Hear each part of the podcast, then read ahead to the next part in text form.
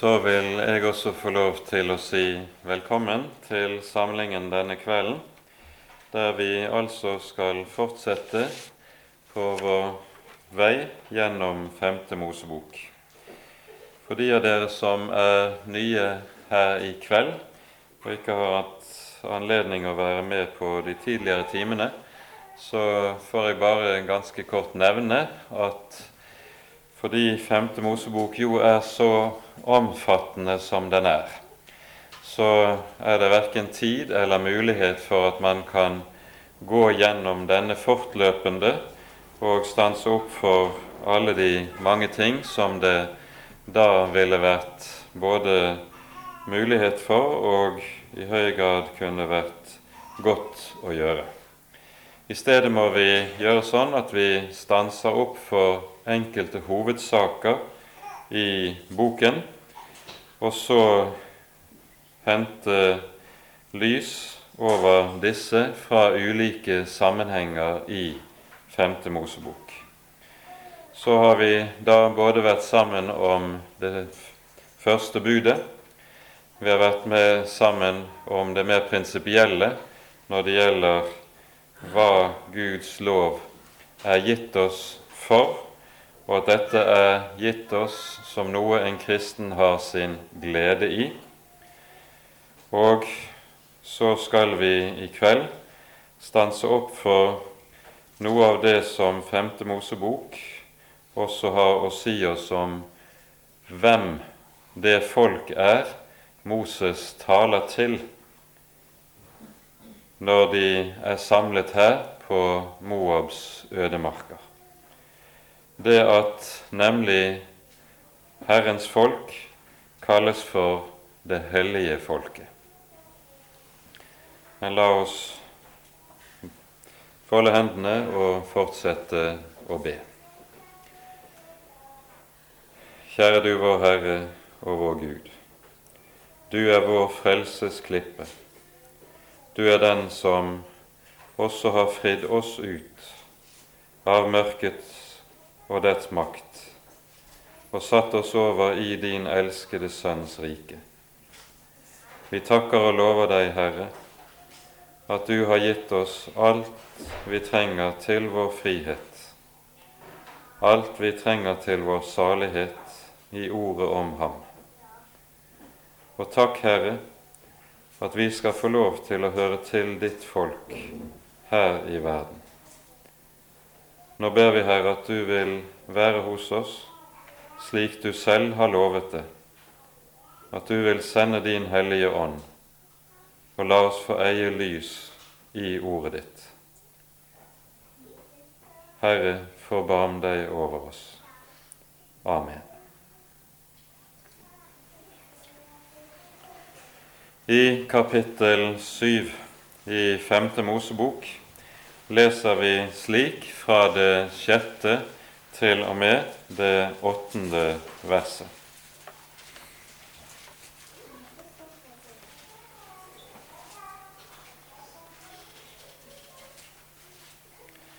For et hellig folk er du for Herren din Gud.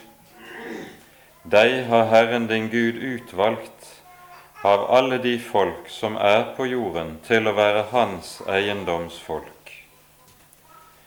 Ikke fordi dere var større enn alle andre folk, fant Herren behag i dere, så han ut, utvalgte dere, for dere er det minste blant alle folk.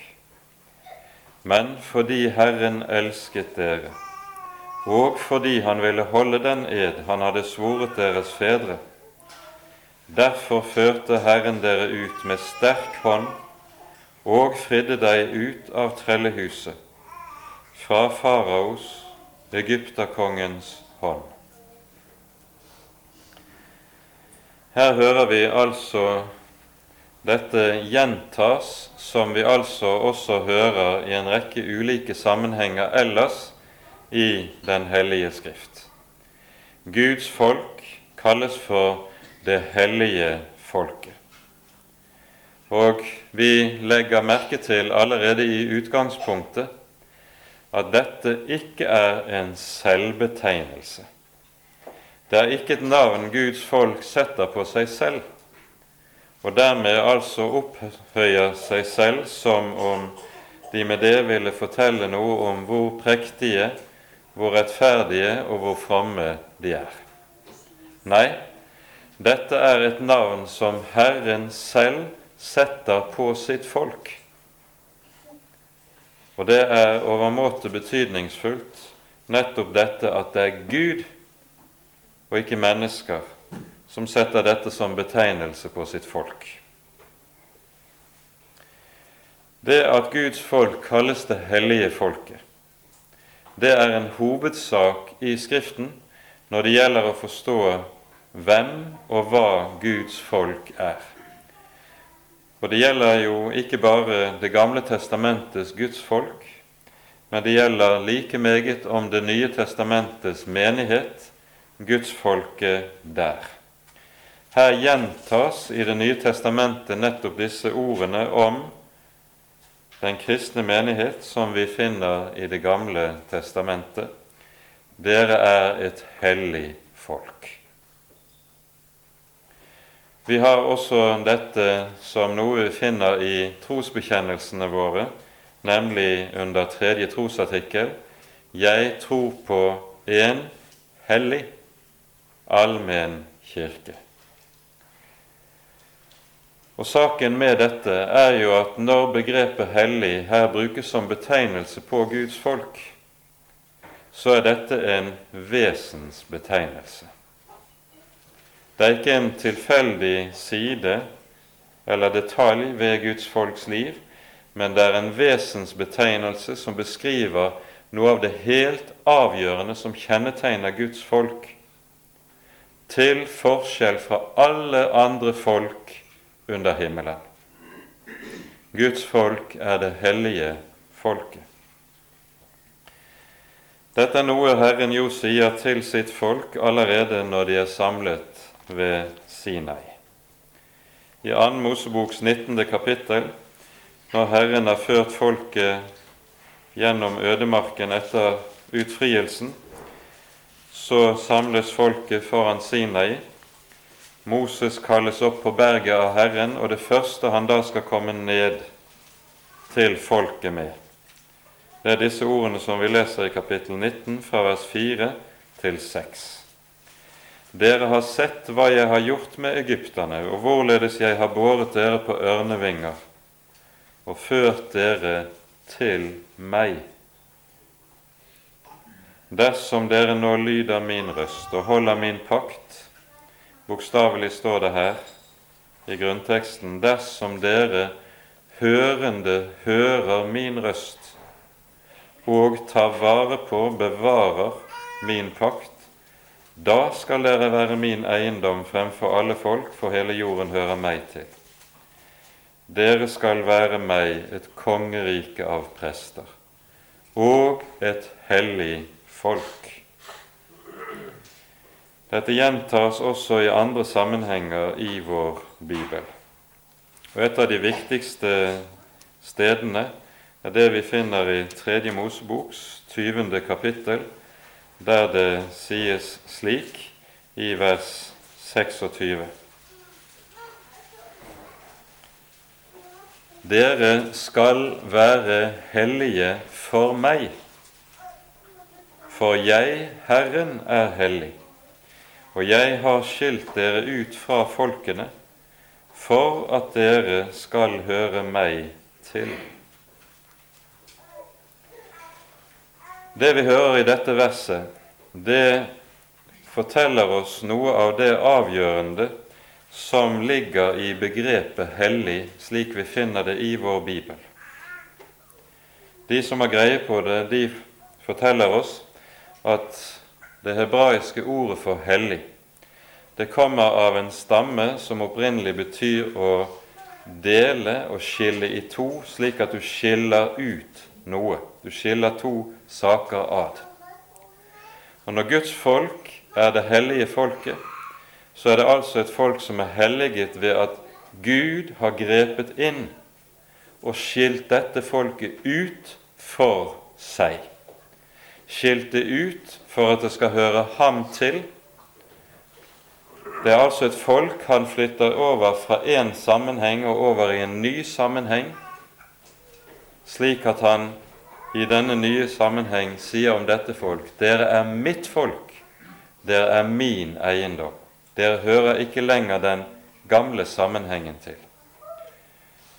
Dere skal være hellige for meg, for jeg, Herren, er hellig, og jeg har skilt dere ut fra folkene for at dere skal høre meg til.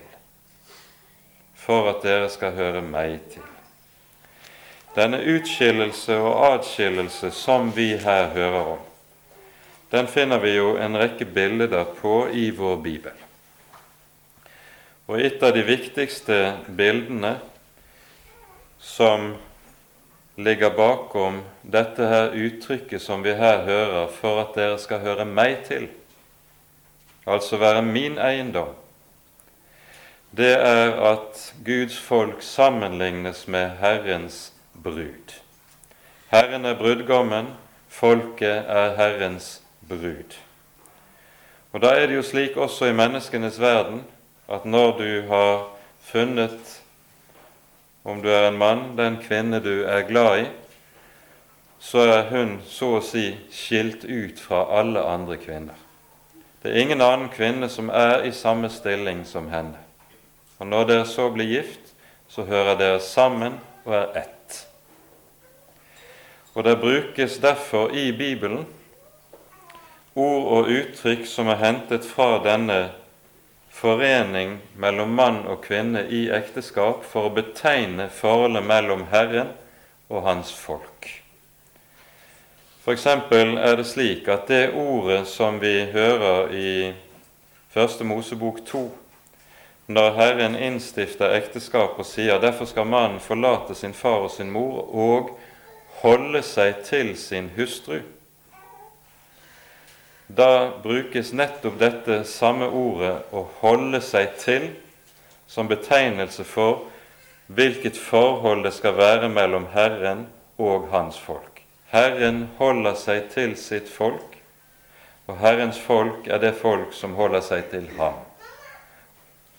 Og når vi senere i Det gamle testamentet hører at Guds folk faller fra Herren, og altså ikke lenger holder seg til ham, da kalles det av profetene for troløshet, det kalles for å drive hor.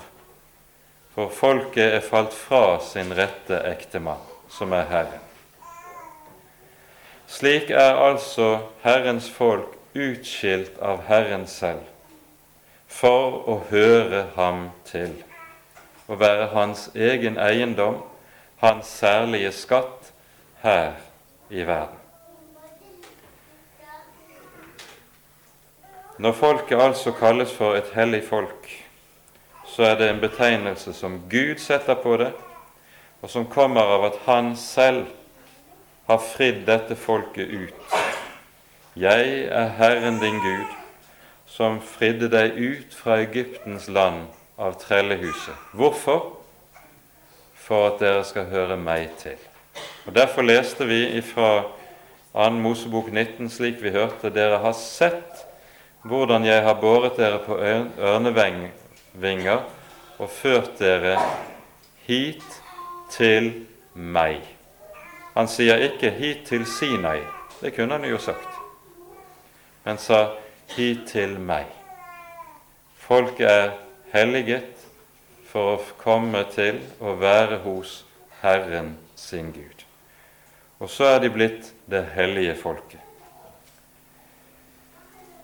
Og her er det slik at når Guds folk kalles for det hellige folket, så er dette noe som ikke er grunnet i folkets egen hellighet. Det er ingen hellighet i folket selv. Og Dette er ikke bare en nytestamentlig sannhet, det er også en sannhet som kommer til oss gjennom det vi hører i 5. Mosebok, og vi blar til kapittel 9. Her tales det i dette kapittelet om hvorledes Herren lover å føre folket inn i det lovede land, og ta seg av dem på en slik måte at også ved inntagelsen av landet skal det gjelde at Herren skal stride for dem, og de skal være stille. Det er Guds sak. Og så leser vi fra vers 4. Når nå Herren din Gud driver disse folkeslag ut for deg, da må du ikke tenke som så, det er for min rettferdighets skyld Herren har ført meg inn i dette land og latt meg få det til eiendom. Nei, det er for disse hedningers ugudelighets skyld at Herren driver dem ut for deg. Ikke for din rettferdighets skyld eller for ditt oppriktige hjertes skyld kommer du inn i deres land og tar det i eie. Men det er for deres ugudelighets skyld Herren din Gud driver disse hedninger ut for deg. Og for å holde det ord Herren hadde svoret dine fedre, Abraham, Isak og Jakob. Så skal du da vite at det ikke er for din rettferdighets skyld Herren din Gud gir deg dette gode land til eie, for du er et hårnakket folk. For du er et hårnakket folk. Og så handler resten av kapittelet om hvorledes Herren minner folket om all deres, alle deres fall, all deres svikt, så lenge de hadde hatt med ham å gjøre. Du er et hårnakket folk. Vi skjønner med andre ord at når Herren kaller dette folk et hellig folk, så er det ikke fordi de er hellige personlig, fordi de er rettferdige i seg selv. Gud selv sier det uttrykkelig. Du er ikke rettferdig, du er hårnakket. Og er det noe vi i Skriften lærer kjennetegner Guds folk når det gjelder hva de er i seg selv, så er det nettopp dette. Når patriarken Jakob får navnet Israel, så grunngis jo denne navngivningen, som vi hører om i Første Mosebok kapittel 32, med at Herren etter kampen med Jakob der ved Jabboks bekk sier til ham du har kjempet med Gud og mennesker og vunnet. Israel betyr den som kjemper med Gud.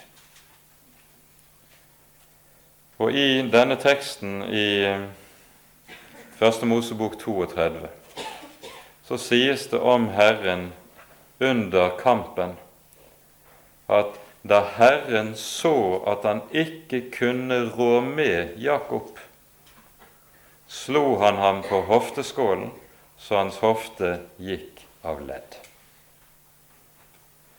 Dette er Jakobs liv i et nøtteskall. Han er den som er hårnakket, og som Herren derfor ikke kan rå med. Og Dersom Herren i det hele tatt skulle nå inn til Jakob, så måtte han slå han slik at han til slutt lå der hjelpeløs. For den som har fått hoften av ledd, han er jo kampudyktig. Han kan ikke lenger stride. Da Herren så at han ikke kunne rå med ham, slo han ham på hofteskålen så den gikk av ledd. Da har Jakob lidd sitt store nederlag. Han kan ikke lenger kjempe. Og Så kommer paradokset at når Jakob ligger der hjelpeløs og slått til jorden med hoften av ledd, så sier Herren, du har kjempet med Gud og vunnet. For her er det slik at vi kun vinner i striden med Herren hvis Han får lov til å slå oss ut. Du er et hårnakket folk. Dette gjelder også om Guds folk i dag. Vi liker jo å tenke om oss selv at når vi er Guds folk, så har vi gjort Gud den store tjenesten å bøye kne for Han. Og da skylder Han nærmest å takke og ære oss for at vi har vært så fromme og gode at vi har bøyet kne. Hårnakkethet preger også oss. Og det gjelder inn, også stadig inn i vårt personlige liv det at Herren ser ut til å ha meget, meget vanskelig for å nå inn til oss, for å få bukt med oss, for riktig å få tak i oss. Vi er like som vi senere i Skriften hører om Peter, som når han har fått kallet fra Herren, innbiller seg at han stadig kan komme med gode forslag til Jesus, og både være hans rådgiver og hans veileder og fortelle ham hva han bør gjøre, både her og der. Alt slikt er ikke noe annet enn uttrykk nettopp for denne hårnakkethet som ligger oss i blodet. At Han får oss dit hen at vi ligger på marken slått ut og må trygle ham når det ser ut som at han skal forlate oss der vi ligger utslått. Jeg slipper deg ikke uten at du velsigner meg. Det sitter langt inne hos oss alle sammen, og det satt langt inne hos Israel òg. Du er et hårnakket folk. Og dessverre er det slik at vi er aller mest hårnakkede når vi tror at vi er rettferdige. Vi vi er slik skrudd sammen, det er noe med synden i oss som er av en slik karakter at når egenrettferdigheten begynner å få rom og få skikkelse i oss, da er det vi er aller hardeste nøttene å knekke. Og Derfor er det også slik at Gud ser ut til på ny og på ny at det er én sak han stadig har store problemer med. Det er ikke folkets synd, men det er folkets fromhet. Blir vi for fromme, da er det alltid fare på ferde. Det er jo det Jesus selv setter ord på så skarpt som han gjør overfor fariseerne når han sier til dem tollere og skjøger kommer før inn i himlenes rike enn dere. De som var så fromme, som hadde slik orden på sitt bønneliv og på sitt fromhetsliv og hadde en slik selvdisiplin at alle og enhver måtte beundre dem for hvor flott det var.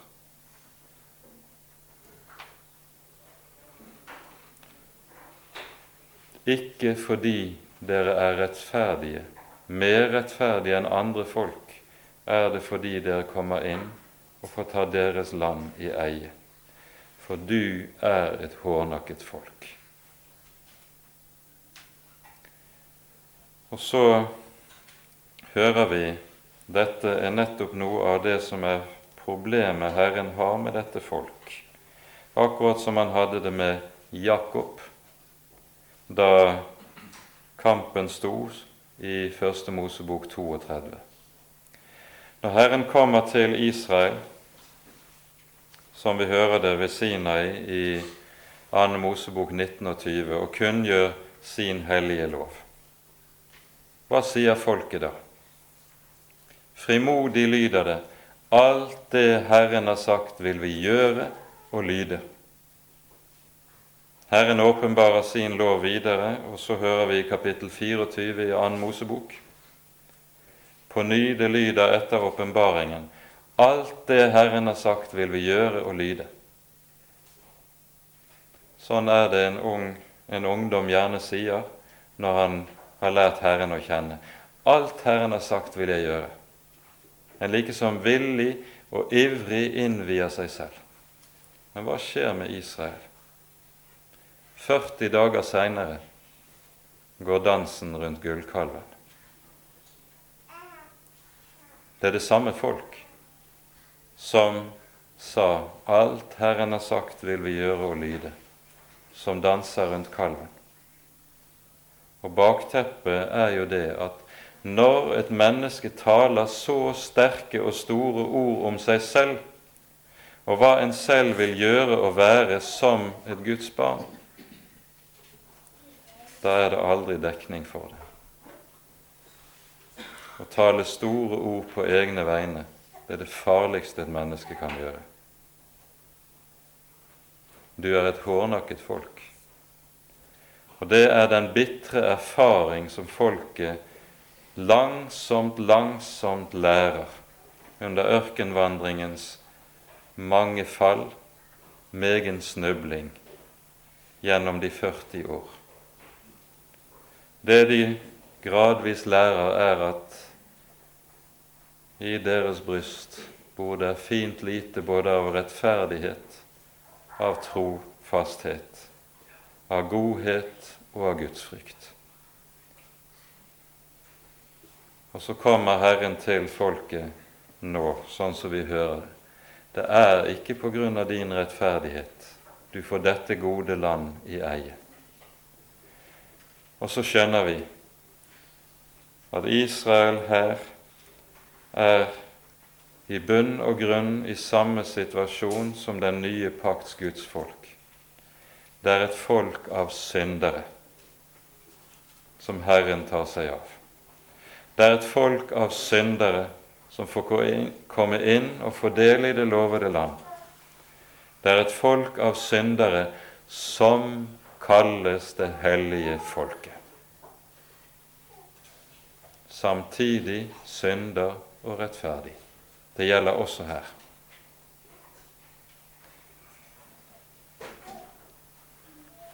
Når Guds folk dermed får dette at de kalles det hellige folket, så henger det sammen med to hovedsaker. For det første altså at Herren selv har skilt dem ut for at de skal høre ham til. Og så hører det sammen med en annen hovedsak at han er den han er. Og Her tror jeg vi skal minne om å repetere noen vers vi leste for to kvelder siden ifra kapittel fire. Her hører vi Herren på ny minne folket om det som skjedde da de sto ved Sinai berg.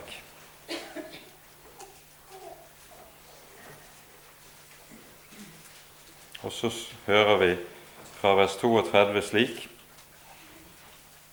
Spør bare om de fremfarne dager som var før din tid, like fra den dag da Gud skapte menneskene på jorden. Spør fra den ene enda himmelen til den andre om det er hendt eller hørt noe som er så stort som dette, om noe folk har hørt Guds røst tale midt ut av ilden, således som du har gjort, og dog blitt i live, eller om Gud har prøvet å komme og ta seg ett folk midt ut av et annet folk ved prøvelser, ved tegn og undergjerninger og ved krig, og med sterk hånd og utdrakt arm og store og forferdelige gjerninger, således som du med egne øyne har sett Herren deres Gud gjorde med dere i Egypt.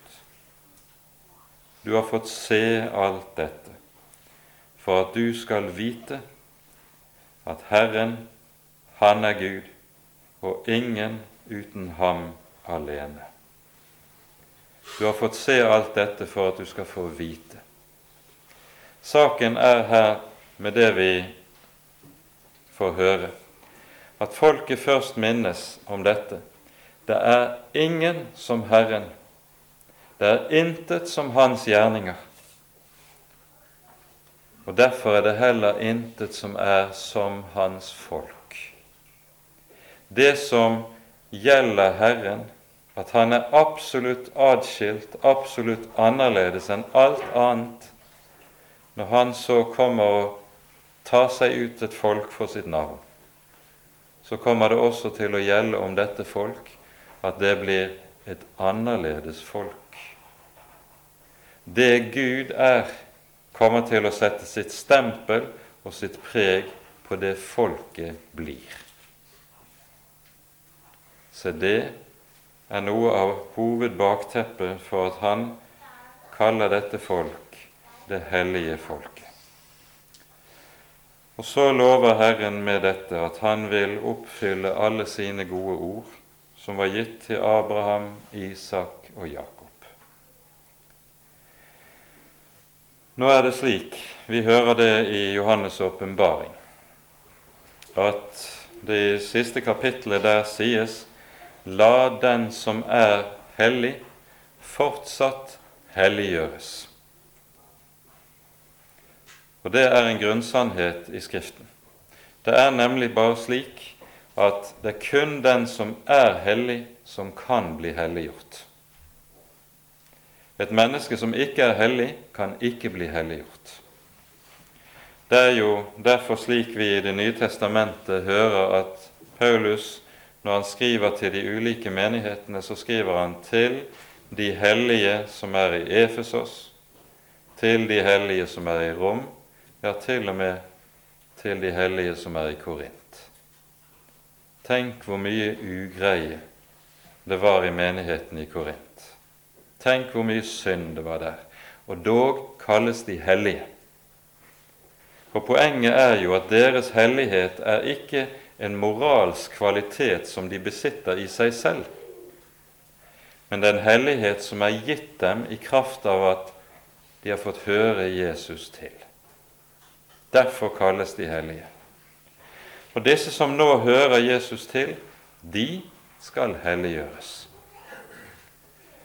Og slik er det også i Den hellige Skrift når vi hører om Israels folk, og om deres liv. Disse som er hellige, som er det hellige folk. Nå skal de også helliges.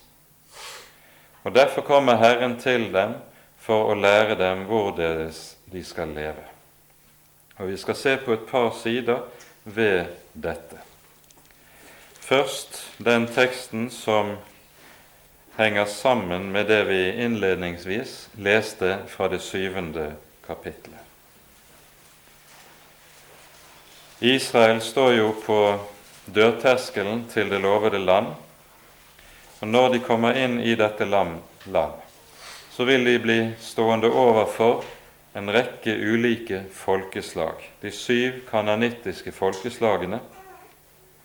Og det som er den store faren for Israel, det er at de, når de har overvunnet dem, så vil de søke å inngå i gode forbindelser med de som de er de overvundne. Det sies i vers 3 og vers 4 og vers 5 slik. Du skal ikke inngå svogerskap med dem. Du skal ikke gi dine døtre til hans sønner, og ikke ta hans døtre til hustruer for dine sønner.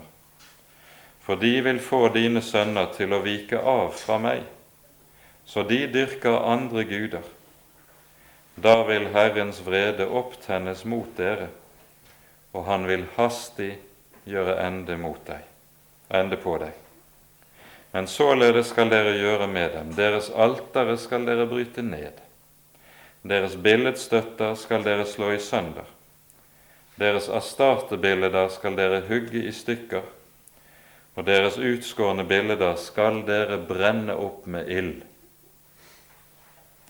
Her er det et skarpt enten-eller. Og En av de viktigste grenselinjene som Gud drar for sitt folk, det er det som har med inngåelsen av ekteskap å gjøre. Og vi skjønner hvorfor. For det er jo en gang slik at den ektefelle du får i livet, har helt avgjørende innflytelse på alle sider ved ditt eget liv. Du kan få en ektefelle som blir deg til den største velsignelse. Men du kan også få en ektefelle som blir det motsatte. Og ikke minst har valget av ektefelle den aller største betydning med tanke på den evige salighet. Det er ikke tilfeldig at Herren her er inne på og taler nettopp om denne sak. Det sies, som vi hørte det i vers 4, dersom du inngår svogerskap med kananittene, vil de få dine sønner til å vike av fra meg. Dette er en avgjørende sak som særlig unge kristne trenger å minnes om og gjøres oppmerksom på i våre dager. Det som er noe av den fare som Israel står overfor når de skal inn i det lovede land, det har de allerede vært ute for under ørkenvandringen. Like før de kom dit de nå står, på Moabs ødemarker, og der Moses holder sin avskjedstale for folket, så har profeten Biliam vært budsendt av kongen i Moab for at han skulle forbanne Israels folk. Dere husker denne fortellingen i 4. Mosebok fra kapittel 22 til 24. Biliam får ikke tillatelse av Herren til å forbanne folket, men må i stedet velsigne Herrens folk. Og skal du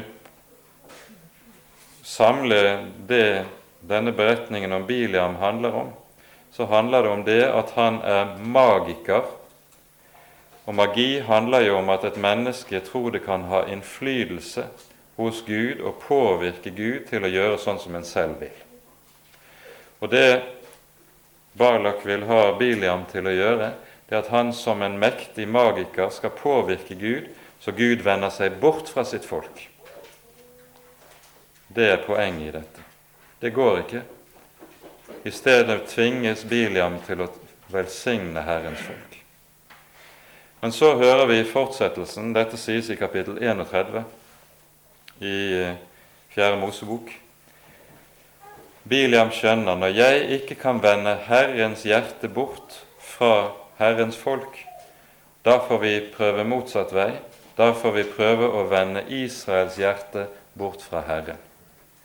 Og hvordan gjør de det? Jo, Moabs folk innbyr Israel til gjestebud. Kom, dere er velkommen hos oss. Kom og spis hos oss. Og så kommer Moabs kvinner ut og byr seg frem for Israels menn. De har fest, de har dans, de får stifte bekjentskap med Moabs avguder så lykkes Biliams råd så altfor godt. Israels hjerte vendes fra Herren. Dette er kapittel 25 i 4. Mosebok. Vi leser her i 5. Mosebok kapittel 4, vers 3 og 4. Dere har med egne øyne sett hva Herren gjorde da det hendte det med Baal Peor, hver mann som holdt seg til Baal Peor, utryddet Herren din Gud av din midte. Men dere som holdt fast ved Herren deres Gud, dere lever alle den dag i dag. For Guds folk er det ofte langt, langt farligere å møte en utstrakt vennskapshånd fra denne verden enn det er å møte denne verdens fiendskap. Og det er det vi hører skje ved det som skjer med Israel her. De lot seg innby, de lot seg friste, og så kom fallet. Og så advares de mot denne fare som de dermed blir stående overfor. Dere har med egne øyne sett hvilken stor fristelse som kan ligge i det. Og Derfor er det at Israel altså får beskjed om, som vi hører om det i kapittel 7 Deres avgudsbilder skal dere hugge ned. Deres altere skal dere bryte ned. Bildene skal brennes opp med ild. Det skal være et absolutt enten-eller i forhold til det som har med de fremmede guder å gjøre. Dette er en en viktig side ved helligheten som Guds folk skal ta vare på. Vi møter det igjen i kapittel 12 her i 5. Mosebok. Vi kan ikke gå inn på det i detalj, men vi skal bare kort peke på at dette kapittel 12 dreier seg om hvordan Israel skal gå frem når de dyrker Herren sin Gud. Og Herren lærer dem da først å repetere det vi leste fra kapittel 7 om å ødelegge avgudsalterne. Og vi leser vers 3 og vers 4.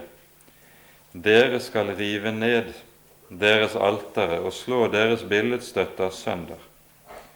Deres astartebilder skal dere brenne opp med ild, og de utskårne bilder av deres guder skal dere hugge i stykker og utslette deres navn fra det sted hvor de sto. Dere skal ikke gjøre som de når dere dyrker Herren deres Gud. Merk dette. For ikke bare er det en fristelse for Israels folk å komme til å dyrke andre guder, men det er også en annen fristelse som ligger like nær. At når de dyrker Herren, så skal de komme til å dyrke Han på samme måte som hedningene dyrker sine guder. Det har vi også flere eksempler på i vår bibel. Ikke minst, kanskje er den viktigste eksempelet på dette, er beretningen om gullkalven. 2. Mosebok kapittel 32. Her dyrker jo ikke Israel en annen gud. Tvert om sier Aron når han har reist gullkalven midt i leiren, dette er Herren din Gud Israel, som førte deg opp fra Egyptens land. Og så begynner dansen. Så begynner festen. Og så har vi det gående. De dyrker ikke en annen gud, men de dyrker Herren sin Gud på den måten som hedningene dyrket sine guder. Det var faren. Og dermed, uten å være klar over det, så endres, endrer de oppfatningen av hvem Herren er, slik at han blir som alle andre guder. Vi får ofte høre i våre dager at man Det som vi trenger i våre dager, det er en ny form, og så prøver vi å bevare innholdet som det samme som det alltid har vært. Det kan meget, meget fort bli en illusjon. For saken er du kan ikke forandre måten. Du kan ikke forandre formen uten at det uvegerlig også får innvirkning på innholdet. Og skal vi, sånn som det kan være en fare for i våre dager, skje, og det skjer også omkring oss, at vi skal hente inn denne verdens vis i Guds rike sammenheng, og så dyrke vår Gud sånn som denne verden syns det passer. Da er det fare for at vi gjentar samme som skjedde med gullkalven. Merk hva Herren sier. Dere skal ikke gjøre som de når dere dyrker Herren deres Gud. Mange andre tekster i Bibelen kunne trekkes inn for å belyse dette. Vi har ikke tid for dette. Men når Herren nå taler om at Hans folk er det hellige folket, så skal vi være oppmerksom på at Herren også med dette, og da må vi trekke inn de øvrige Mosebøkene i dette, sørger for å hegne om sitt folk for at det skal bevares som det hellige folket, som det folket som er et annerledes folk. Og En av de viktigste institusjonene Gud gir og rekker sitt folk for å verne og bevare dem som det hellige folket, er at han gir dem helligdagen. Han gir dem hviledagen, han gir dem sabbaten. Denne dagen kommer til å være en dag som skiller Israel fra alle de øvrige folkene som de bor midt iblant. Ingen av kananittene, ingen av antikkens øvrige folkeslag har en dag hver syvende dag som er den hellige dagen, og som er avsatt for at folket skal komme sammen for Herrens ansikt og om Herrens ord. Ingen andre folk har det.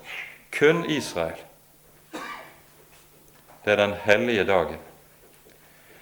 Og I 2. Mosebok kapittel 31 så sier Gud noe uhyre sentralt om denne hellige dag. Han sier, 'Jeg har gitt dere sabbaten for at den skal være et tegn mellom meg og dere.'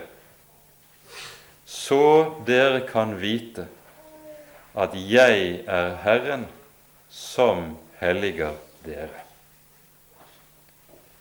Her hører vi at det ikke er slik at Israel skal hellige seg selv. Det er Herren som helliger folket. Han helliger folket når de hviler, når de kommer sammen i hvile for Hans ansikt, hører Hans ord, synger Hans pris. Da helliger Han sitt eget folk. Og Dette har også vært slik i, oppover gjennom Kirkens historie at helligdagen, hviledagen, har vært umåte betydningsfull i å bevare gudsfrykten i Guds folk. Og det er kanskje et av de store en av de store ulykkene som skjer i dagens kristenhet, det er forfallet i søndagen og i hviledagen. Søndagen brukes til alt annet enn det Herren har gitt den til. Og Kanskje vi da skulle innskjerpe og minne om at det tredje bud er faktisk ikke opphevet. Kom hviledagen i hus, og du holder den hellig. Å bruke hviledagen til noe annet enn det Gud har gitt den til, er synd. Og det skal sies i våre dager.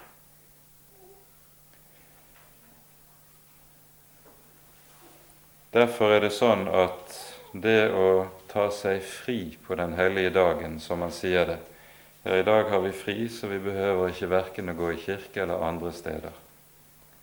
Det sier noe alvorlig om at det er noe galt fatt i Guds folk.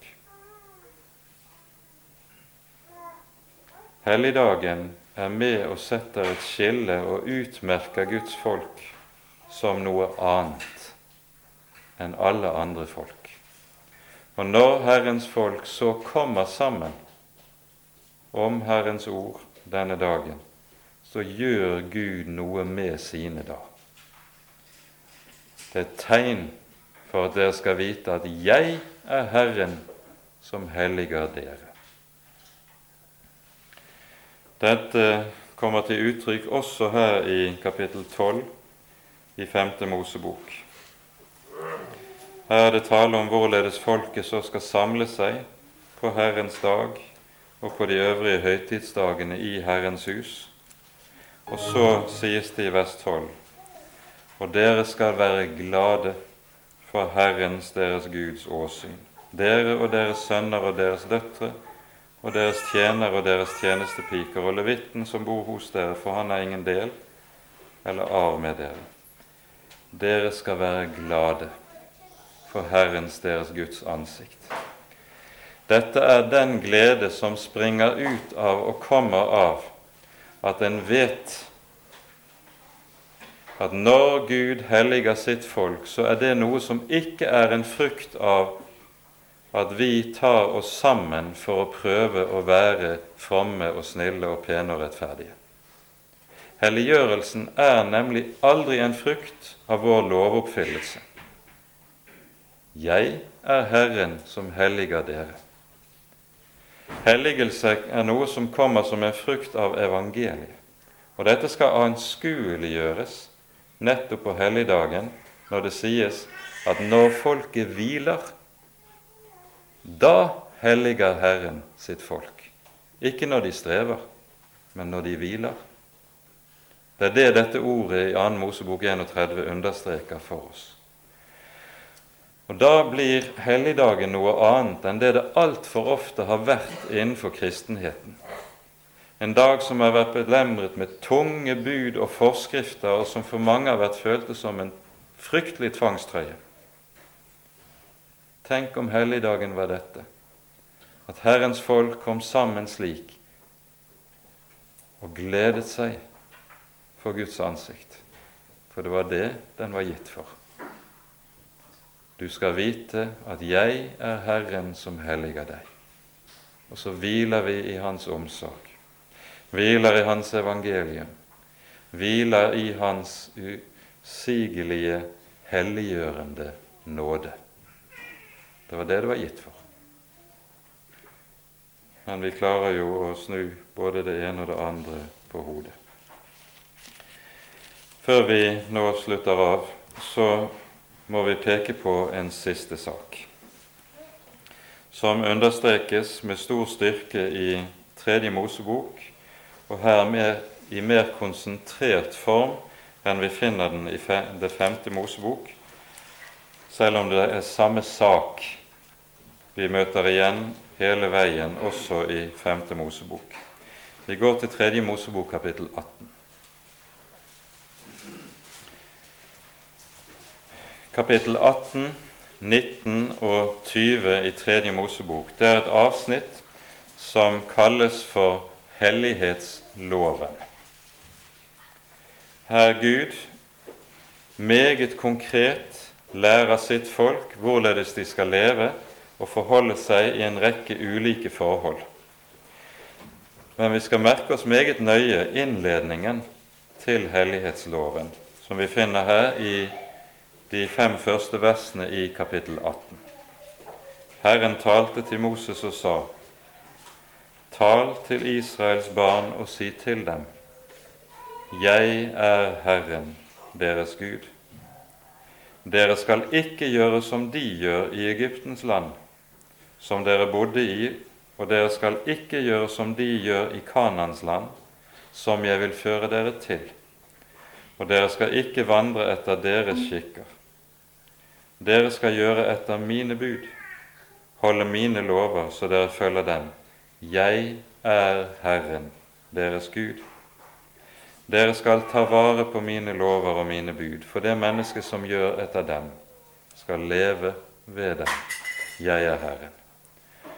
Og så kommer det en fryktelig liste i kapitlet som følger, der vi hører om hvorledes kananittene levet, og hvordan egypterne levet, og der Israel sier, få høre, slik må ikke dere leve. Og tar du deg tid til å lese gjennom dette, så kan, er det sannelig grunn til å skjønne hvorfor Herren sier dere skal ikke være som disse folk. Dere skal ikke leve som disse folk. Det er tale om barneofringer. Det er tale om incest. Det er tale om alle hånde slags avsporet seksualitet. Det er tale om bedrag i pengesaker, avgudsdyrkelse, trolldom og det Vi behøver ikke å liste opp alt sammen. Men som fellesnevner for alt sammen står det altså dette Dere skal ikke være som alle disse folk. Det skal være en forskjell på Herrens folk og hedningefolkene. Herrens folk er et folk som ikke gir seg hen i alle disse ulike slags synder, som kananittene gjorde det, og som de gjorde det i Egypt, som Israel ble fridd ut fra. Der er forskjell. Og Dette er en forskjell som kommer til uttrykk i Israels liv. Og i kapittel 19 i Tredje Mosebok samles hele dette i en sum. Herren talte til Moses og sa:" Tal, til hele Israels barns menighet og si til dem:" Dere skal være hellige, for jeg, Herren deres Gud, er hellig. Og Merk denne begrunnelsen. For her er det slik, og leser du disse kapitlene i sammenheng, så vil du på ny og på ny høre Gud gi en bestemt begrunnelse for de bud og befalinger som han gir sitt folk. Det sies om igjen og om igjen 'Jeg er Herren'. Du skal ikke slik og slik. 'Jeg er Herren'. Altså fordi Gud er den han er, så skal hans folk også ta til hjertet det han sier når det gjelder helt konkrete forhold i livet. Dere skal være hellige, for jeg, Herren deres Gud, er en hellig Gud. Og så handler det helt konkret om hvorledes vi lever. Men på ny ser vi i Guds ord at dette er den Guds folks stadige fare. I stedet for å være seg klart bevisst at Guds folk er kalt til å være et folk som er annerledes, som lever annerledes, som er forskjellig fordi vi har en annen Gud, så ser vi om igjen og om igjen hvorledes Guds folk faller i den fristelse at de tar etter hedningene. Dette skjer allerede når Israel går inn i dommertiden. Josva er død. De øvrige av folkets ledere som levet sammen med denne generasjon, er død. Hva gjør folket da? De begynner å ta etter de hedningefolkskikker som de bor midt iblant. I første Samuels bok, syvende kapittel, eller unnskyld, åttende kapittel, sies dette også direkte ut av folket i en bestemt sammenheng. De sier 'Vi vil være som alle de andre folk'. Hva gjør Guds folk når de sier noe slikt? Da fornekter de selve sitt vesen. De er kalt til å være det hellige folket, som hører Herren til. Og så sier de vi vil være som alle de andre folk. Da fornekter de sitt vesen som Guds folk, og med det også fornektes Herren som deres Herre. Det er meget mer å si om disse ting. Vi rekker det ikke, vi har begrenset tid til rådighet. Men vi ser altså hvorledes Skriftens tale om Guds folk som det hellige folket. Det er en helt fundamental side ved det vi må kunne kalle for den kristne selvforståelse. Det har med en selvforståelse som så å si definerer alle ulike sider ved hva det er å være en kristen, og med det altså høre til Guds folk. Vi er det hellige folket. Det skal ikke fort gå oss av minne, for det skal lære oss ganske grunnleggende hvordan vi skal innrette oss i alle ting. Til slutt vi leser fra 5. Mosebok, kapittel 26. Og Her gir Herren sitt folk et løfte.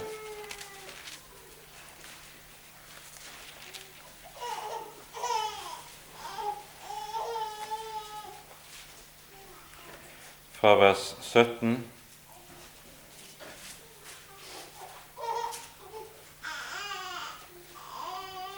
Du har i dag gitt Herren din, ditt ord, at Han skal være din Gud, og at du vil vandre på Hans veier og ta vare på Hans lover og Hans bud og Hans forskrifter og høre på Hans røst.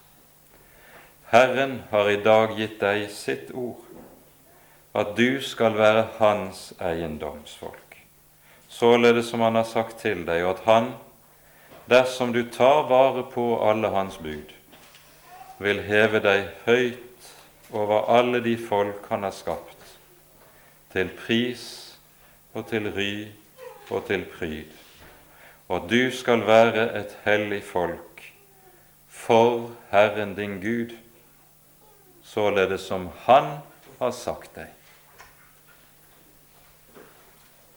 Jesus sier i Johannesevangeliets tolvte kapittel om noen er min tjener, Ham skal Faderen ære. Og det er samme sak vi her møter igjen. Om du nå tar vare på Herren din Guds ord, da tilsier Herren deg at Han vil heve deg høyt. Du skal være Hans eiendom fremfor alle folk, og du skal være et hellig folk for Herrens din Guds ansikt. Det er et usigelig stort løfte.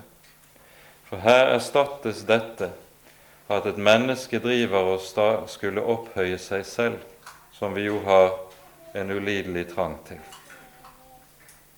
med at det er Herren som opphøyer noen, noen små, som dog er Hans folk, noen som ikke er rettferdige, men som dog er hellige fordi Han har tatt seg av dem. Og så sier han, så vil jeg heve deg høyt. Kapittel 28 i vers 9 sies noe lignende. Herren skal gjøre deg til et hellig folk for seg. Her tales det ikke om å være hellig i menneskers øyne, men å være hellig i Guds øyne.